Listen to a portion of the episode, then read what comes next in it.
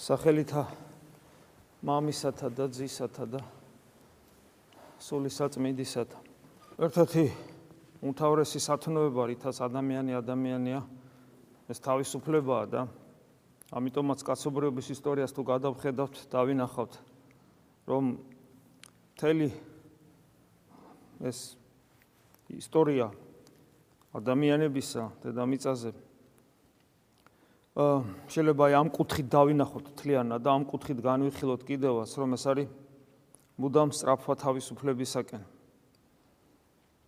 როგორც ინდივიდის დონეზე ისე სახელმწიფოებისა და ერების დონეზე.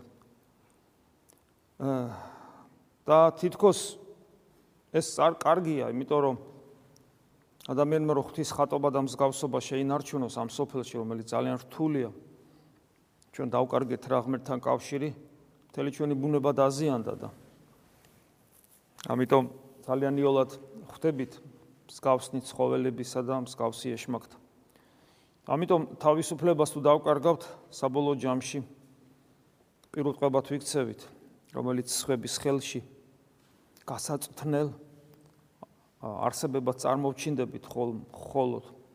ამიტომაც დიდი სიკეთეა რომ ადამიანი იბრძვის თავის თავისუფლების შენარჩუნებისათვის მეორებ როგორც ინდივიდის დონეზე, ისე ერებისა და სახელმწიფოების დონეზე და მთელი ისტორია ეს არის.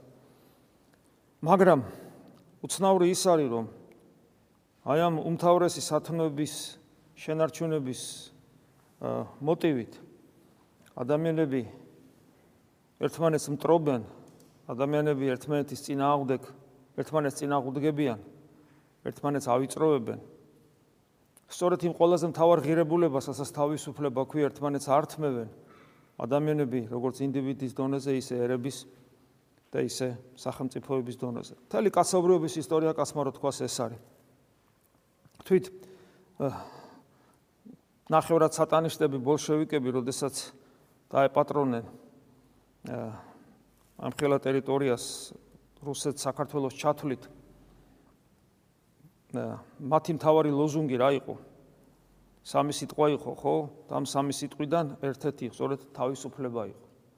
და ადამიანები ტყვილდებოდნენ, იმიტომ რომ ძალიან ტკბილი ლუკმა ეს თავისუფლება და და გახსენდებათ პეტრე მოციქულის სიტყვები თავისუფლებას პირდებიან სხვებს თავად ხრწნილების მონები მაგრამ ვინც რისგან ძლეულია იმისი მონაა ანუ მე თუ ხრწნილების მონა ვარ, როგორ შემიძლია მე სხვას თავისუფლება მივცე? მაგრამ ნახეთ, თავისუფლებას პირდებიან თავად ხრწნილების მონები. აი, როგორი სპიტაპირ ესე იგი, აი დიაგნოზია, თქვა ბოლშევიკებზე თუნდაც და არა მარტო მათ. დღესაც თავისუფლების აი ამ ლოზუნგით ხდება ყველაფერი ის რაც ხდება. მათ შორის საქართველოში თავისუფლების ლოზუნგით ვანგრებთ ჩვენს ულამაზეს ქვეყანას 30 წლის განმავლობაში. 30 წლის განმავლობაში. თავისუფლების სახელით გძულს ერთმანეთი და ჩვენ ერთობას ვერ ვამყარებთ ერთმანეთთან. პარტია პარტიაზე, ოჯახი ოჯახზე, ადამიანი ადამიანზე, სოფხედელობა, ერთი სოფხედელობის ქონა მეორე სოფხედელობაზე. თვით ეკლესიაშიც კი ეს განხეთქილება არსებობს ერთმანეთთან ხშირად საერთო ენა ვერ გვიპოვია და თვით 2000 წლის განმავლობაში უკვე დაფიქსირებულ დაღეჭილ დოგმატებზეც კი ხშირად არის ბრძოლა, იმიტომ რომ ესეც კი სხვადასხვანაირად გვესმის და ახაც განხეთქილება შემოგვაქვს. იმიტომ რომ საკუთარ თავს თავისუფლება მივანიჭოთ. ძალიან ბევრი რამ შეიძლება ამასთან დაკავშირებით ითქვას. ოდესმე ალბათ ჩვენი ერის უახლესი ისტორიაც დაიწერება სხვანაირად. დღეს როგორ არის იცით, აი ყველა პოლიტიკურ პარტიას შეუძლია თავისი ის თავისი კუთხით დაწეროს საქართველოს უახლესი ისტორია. რაც რა თქმა უნდა არ იქნება სწორი. ალბათ ერთხელ დაიწერება ნამდვილი ისტორიაც. იმედი მაქვს ყოველ შემთხვევაში. და თუ ეს არ მოხდა, ეს ნიშნავს იმას, რომ ჩვენ ვერ გამოვსულ ვართ აი ამ მდგომარეობიდან, რომ ხოლოთ ერთმანეთს ვჭამთ. და ეს არ არის ბოლო 30 წელი, კაცმა რო თქოს ეს ბოლო ალბათ 5 საუკუნე ასე გრძელდება საქართველოში. აი სილონ ათონელიც ამბობს, რომ ყველა ადამიანი თავისუფლებას ეძებს და მე ამბობს სიმდაბლით, როგორც მას ჩვევია. მეცო, მთელი ჩემი ცხოვრება თავისუფლებას ვეძებდიო, სილონ ათონელი ამბობს. და მივხვდიო, რომ თავისუფლება მარტო ღმერთშიაო, ის სხვაგან არსად არ არის. ვიღაცამ შეიძლება თქვას, რომ сахарებაში არ წერია, კაცო, ჭეშმარიტება შეიცანი და ჭეშმარიტება გაგანთავისუფლებ.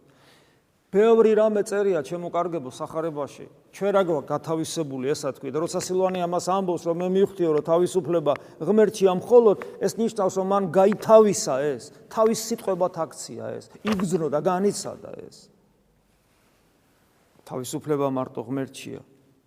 მაგრამ იმისათვის რომ ადამიანი ამას მიხვდესო, ადამიანმა სიმდაბლით უნდა გაუღოს გულის კარები, უფალს და მადლი მოიხვეჭოს. და მადლი განაცდებინებს მას რა არის ჭეშმარიტად თავისუფლება.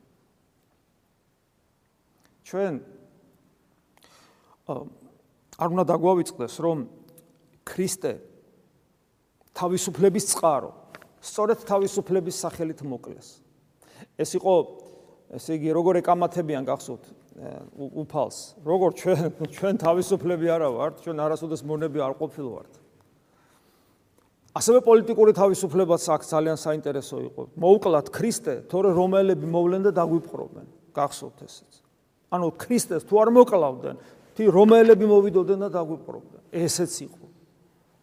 თავისუფლების პოლიტიკური და ესე იგი სულიერი უпростоრეთ ეროვნული, ეროვნული, რელიგიური, პოლიტიკური, ეროვნული და რელიგიური თავისუფლების სახელით ქრისტე მოკლეს.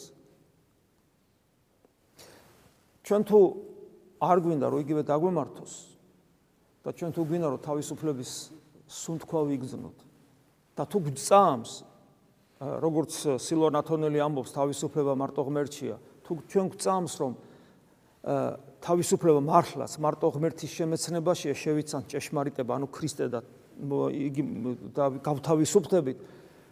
მაშინ უნდა სწორად ვიცხოვროთ სულიერად და თავისუფლება, რომელიც ღმერთის თვისება ჩვენ მისი განცდელნი გავხდებით, თუ ჩვენს გულში მადლს მოვიხვეჭებთ, რომელიც საიდუმლოებებთან კავშირით სწორესულიერ ცხოვრებით და ლოცვით მოდის. ანუ თავისუფლება, თავისუფლება. ეს არის ადამიანის მიერ განცდადი გრძნობა განცდადი შიგნით განცდადი რომლის განცდა ღვთის განცდის ანალოგიურია იმიტომ რომ თავისუფლება თავად ღმერთია აი ეს როგორც სიმდაბლე სიყვარული თავად მორჩილება თავად ღმერთია აი სიцоცხლე თავად ღმერთია ასევე თავისუფლებაც თავად ღმერთია ამიტომ აი როცა სილვანი ამბობს რომ მან განიცადა თავისუფლება, ჭეშმარიტი თავისუფლება. იმიტომ რომ სიმდაბლით მადლი უნდა მოიხვეჭო და ეს არის გზა და ის ის იყო ამის გამსთელი, თელი ცხოვრება ეძებდა და მიხვდა ამას ბოლოს და ბოლოს. წარმოგიდგენიათ რა შეიძლება როგორი როგორი თვისობრივად განსხვავებული თავისუფლება შეიძლება იგზნოს ადამიანმა, რომელიც საკუთარ გულში მადლს მოიხვეჭოს. ასეთი ადამიანი, ახშირად ვამბობთ ხოლმე, ადამიანი მოდის დაზიანებული სხვადასხვა მიზეზების გამო, ამ სოფელში 1000 პრობლემები გვაქვს და ფსიქიკა სუსტი გვაქვს და შესაბამისად ადამიანი დატურ ადამიანის ფსიქიკა დატურთულია სხვადასხვა პრობლემებით, კომპლექსებით და ადამიანი თავისუფალი რეალურად არ არის, შიშებით, 1000 შიშები აქვს, პრობლემები აქვს, ეს ყველაფერში ვლინდება. როგორც კი ჩვენს გულში მადლი დამკვიდრდება, ადამიანი ყველაფერსგან თავისუფლდება და ხშირად გვითქვია ხოლმე, რომ თუ ადამიანი ჭეშმარიტად სულიერი ცხოვრებით იწყებს ცხოვრებას და გახდა ტაძარი ღვთისა, ყველა კომპლექსისგან თავისუფლდება. ერთგვარი პირობითობებისაგან, რომელიც მას აღჩობს და თავისუფლებას თავისუფლებას არაძლევს. ეგ ყოველგვარი ფობიებისგან თავისუფლდება, თვით სიკვდილის შიშისაგანაც კი თავისუფლდება ადამიანი.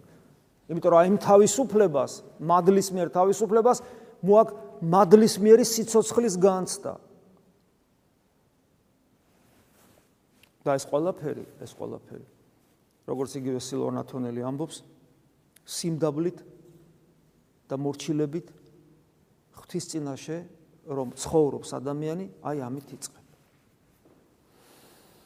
ეს კიდე იმდანაც მნიშვნელოვანია, რომ ამის garaში არაფერს ფასი არ აქვს. ჩვენ რომ ამის განცდა, მე არ ვიცი ხა ეს რაღაც ისეთი იდეალია, რომ ზღაპარს გავს, მაგრამ მეორე მხრივ ჩვენ ქრისტიანები თუ ამას დავინახავთ და ამას გავითავისებთ და ჩვენად გავხდით ჩვენში საოცარი სიმშვიდე წამოვა. ღმერთზე განსაცვიფრებელი მინდობის განცდა წამოვა. არაფის აღარ შეგვეშინდება. და თლიანად ჩვენ ცხოვრებას ბოლომდე ღმერთს მივანდობთ რეალიზდება ჩვენში ამ დროს იყავნება შენი ეს სიტყვები და თლიანად ღმერთზე მინდობილი ადამიანი დაცულია ღმერთისაგან აი ჩვენ ხო თეორიულად მაინც ხო ვიცით რომ ღმერთი იცავს ხო ადამიანს და ერს და ასე შემდეგ. და ეს პრაქტიკაში რეალიზდება იმის შესაბამისად თითოეულ ადამიანთან და მთლიანად ერზე რა დონეზე ჩვენ ღმერთს მივენდობით. პატა-პატარათი მიენდობი ღმერთს პატარათი ხარ დაცული. და თუ ბოლომდე რომ დაუშვათ აი რაღაცა ზღაპარი წარმოვიდგინოთ რომ აი ბოლომდე ღმერთს მინდობილი ვარ სულ ბოლომდე მაშინ აბსოლუტურად დაცული ვარ ღმერთის მიერ. შესაბამისად ვიყოფები აბსოლუტურ სიმშვიდეს სიმშვიდეში და ჩემს სიმშვიდეს ჩემს ესე იგი სიხარულს ჩემს თავისუფლებას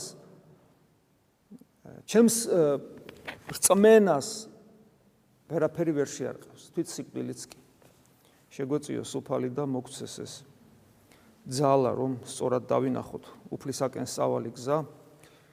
სიმდაბლით სიმშვიდით მორჩილებით მივიახლოთ მას და იგი მოგცემს ჩვენ თავისუფლებას რომელიც განგვაცდენებს ჭეშმარიტ რწმენას და ჭეშმარიტ სიცოცხლეს ქრისტეს მიერ. ამინ